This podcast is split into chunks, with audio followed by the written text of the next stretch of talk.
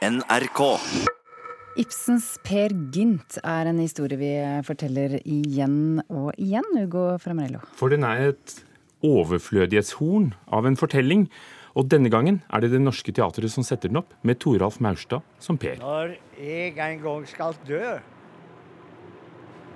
hva saktens vil skje, så kryper jeg under et vindfelt tre. Som bamsen en laughaug over med kavar, og risper i borken med store bokstaver. Her hviler Per Gynt, den skikkelige fyr. Keisar over alle de andre dyr. Keisar. Du gamle spåmannsgauk. Du er ingen keiser. keisar. Du er en lauk. Toralf Maurstad som Per Gynt. Den tilbakeskuende Per Gynt. Karin Frøsland Nystøyl, teaterkritiker i NRK. Hvordan vil du beskrive Det Norske Teatrets eh, versjon av Per? Ja, den er jo selvfølgelig prega av Toralv Maurstad og hans ja, du kan si Per Gynt-tradisjon. Han, han, begynte jo som liten gutt i Dovregubbens hall eh, da han var vel bare sju år gammel første gang, og han har jo hatt tittelrollen flere ganger. Eh, denne oppsetninga, der er jo mm, både Toralv Maurstad og Per Gynt i sluttløp av, av, et eh, langt liv, siste del av livsløpet. Og utgangspunktet her er jo Per Gynt sitt møte med Knappestøperen, som spilles av eh, Svein Tindberg. Og sammen ser de tilbake på livet som er gått, og episode fra Per Gynt sitt liv spilles ut. Og der står den gamle og ser hva han gjorde opp igjennom, hvordan han egentlig var. og reagere på det. Og spørsmålet forestillinga stiller er tåler hans liv dette møtet med knappestøperen? Må han smeltes om?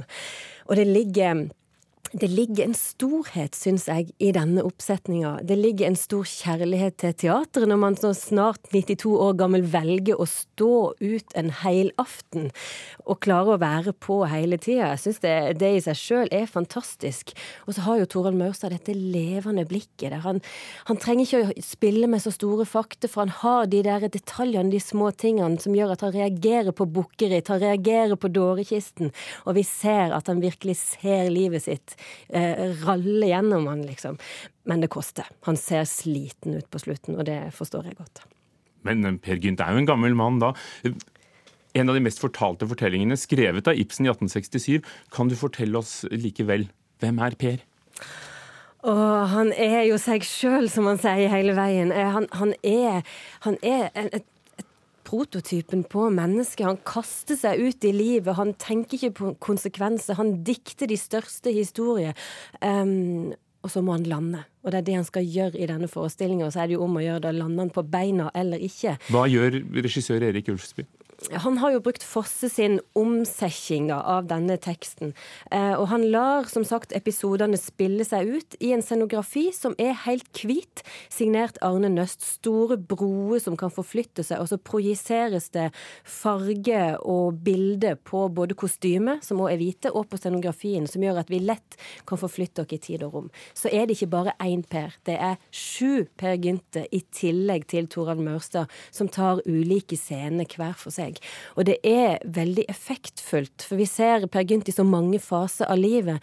Eh, jeg liker denne oppsetninga fordi at den, den, gjør at jeg må tenke over mitt eget liv på et vis. Hvem er jeg? Tåler jeg møte med en knappe støper en gang?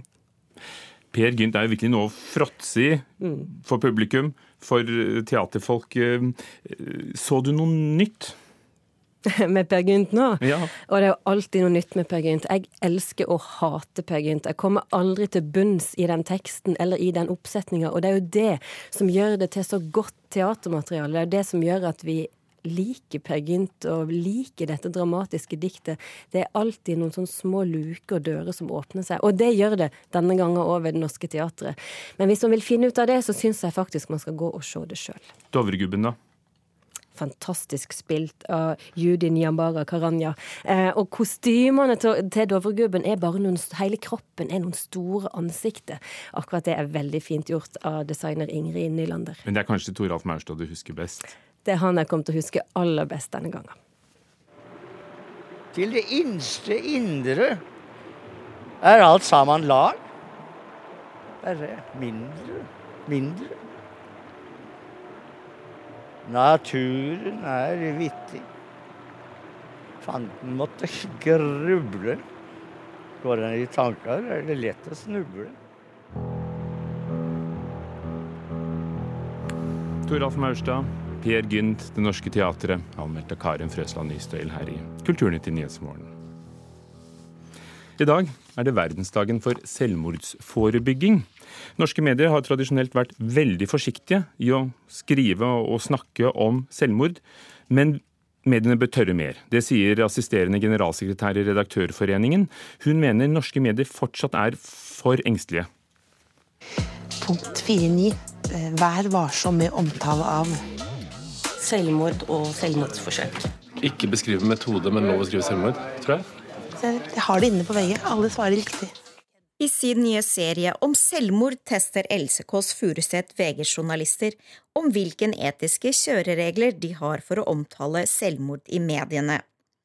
Punkt 4.9 i Vær varsom-plakaten som journalistene refererer til, sier at de skal være varsomme ved omtale av selvmord og selvmordsforsøk samtidig unngå beskrivelse av metode eller andre forhold som kan bidra til å utløse flere selvmordshandlinger. Fortsatt så er vi for forsiktige, og kanskje derfor bør vi få en ny debatt om ordlyden i Vær varsom-plakaten, og om hvordan vi omtaler selvmord. Reidun Kjelling Nybø er assisterende generalsekretær i Norsk redaktørforening, og har tidligere jobbet med å revidere punkt 4.9 i Vær varsom-plakaten. Nybø mener mediene har blitt modigere til å omtale selvmord med tiden, men at de fortsatt har en vei å gå. Utviklinga går sakte, og oppmerksomheten rundt temaet står ikke i forhold til omfanget av eh, samfunnsproblemet selvmord. Det er jo et eh, ekstremt vanskelig eh, tema for de som rammes av det. Og det er mange tabuer knytta til det, og det tror jeg kanskje har gjort at vi har holdt, eh, holdt litt for stor avstand da, eh, i frykt for å trå feil. Det sier Tora Bakke Håndlykke, nyhetsredaktør i VG. Håndlykke mener det er fortsatt vanskelig for pressen å omtale selvmord. Eh, det er en større åpenhet i samfunnet. Det er, det er på vei til å bli mindre tabu. Vi i media må rett og slett følge på der, og vi må eh, endre oss i takt med samfunnet. Den respekten er jo, den er jo godt begrunna, den, men jeg tenker likevel at uh, ulempen med det er at det uh, blir en ting som fortsatt er litt mystisk og uomtalt og utilgjengelig, da, og som det egentlig hadde vært kanskje bedre å ha åpenhet om. Jeg tror at det går an å ha mer åpenhet om det uten at det trenger å gå løs på respekten og alvoret i det. Det sier psykolog Peder Kjøs. Kjøs mener åpenhet rundt selvmord er viktig, men mener journalistene bør unngå å beskrive metoder. Steder og visse måter å gjøre det på som uh, er mer vanlige enn andre, og det virker som det er kopiert. Men, men selve det å ta et valg om å ikke leve lenger, det er vel ikke så smittsomt, for å si det sånn. For det, det, er jo et veldig stort valg å ta. Det er, jo ikke, det er jo ikke noe du velger fordi du har hørt om en kjendis eller sett det på TV. Reidun Kjelling Nybø er enig med Peder Kjøs. Fortell historien sånn som den trengs å fortelles. Ta med de detaljene man trenger for å fortelle historien. Eh, ikke mer enn det.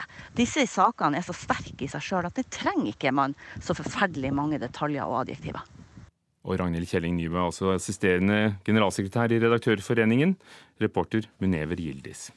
Og i dag arrangerer den kjente komikeren og skuespilleren og TV-programlederen Else Kåss Furuseth en festival i leiligheten sin i anledning at det er verdensdagen for selvmordsforebygging.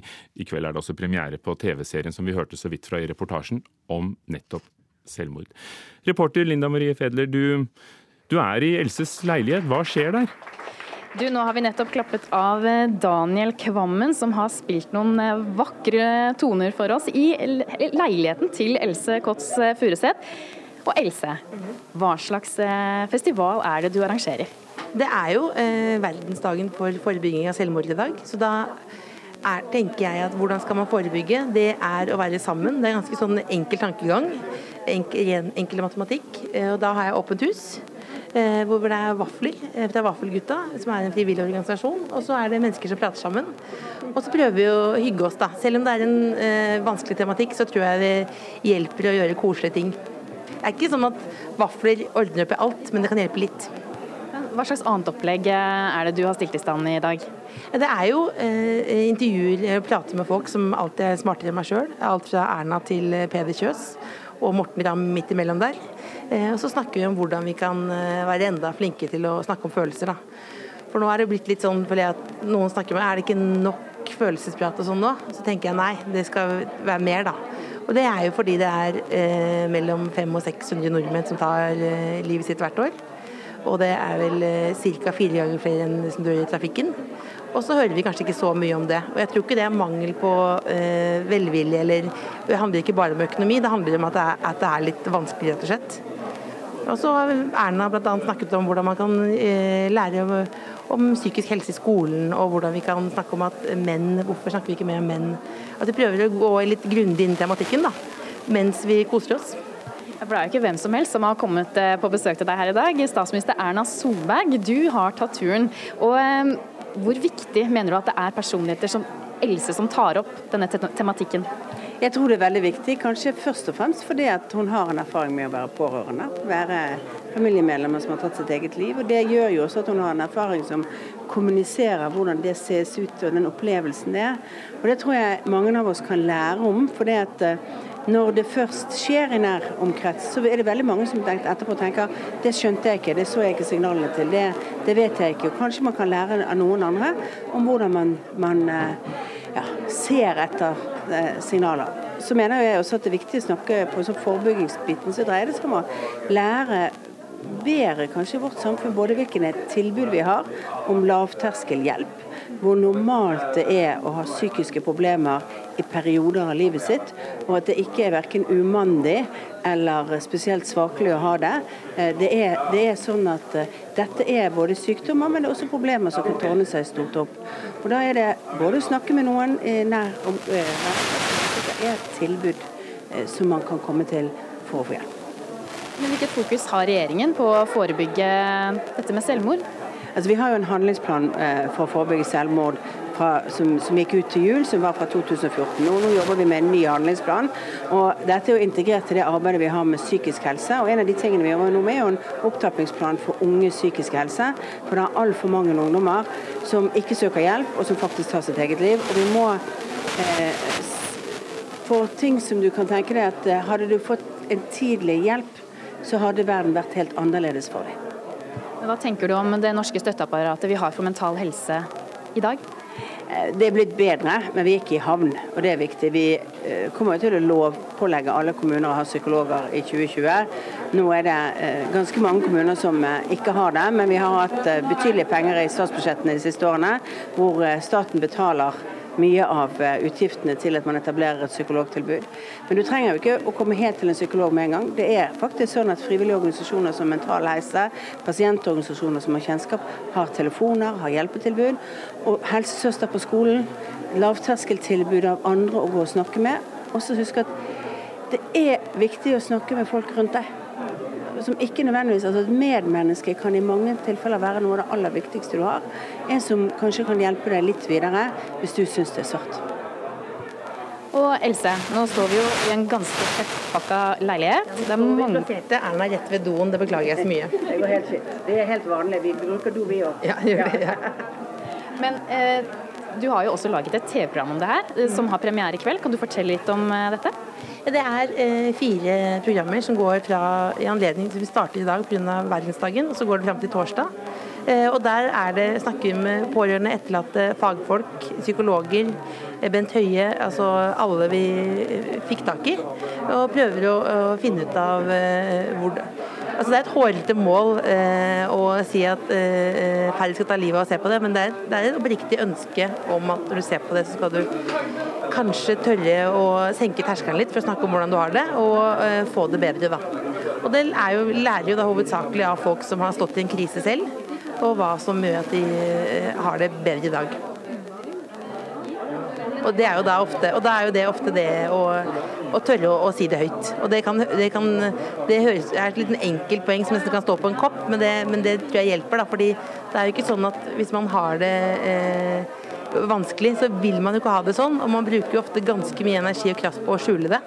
Eh, og så vil man jo ikke eh, være til bry for andre. Eh, så da må vi på en måte gjøre det lettere å si det. Og så må vi andre tørre å bry oss, da. Eller orke å bry oss. For det er jo slitsomt. Det, ikke, det handler jo ikke egentlig om vafler der. Det er, jo, det er jo slitsomt å stå i en sånn krise. Og det kan være eh, altså noe, det kan være akutte tilfeller, og det kan jo også være langvarig psykisk eh, sykdom, da. Else Kåss Furuseth der fra sin egen leilighet. Takk til Else. Takk til Linda Marie Fedler, vår kulturreporter, for klokken nærmer seg 8.30. Ja, Erna Solberg, statsministeren, var også med i dette innslaget sånn helt direkte på morgenkvisten.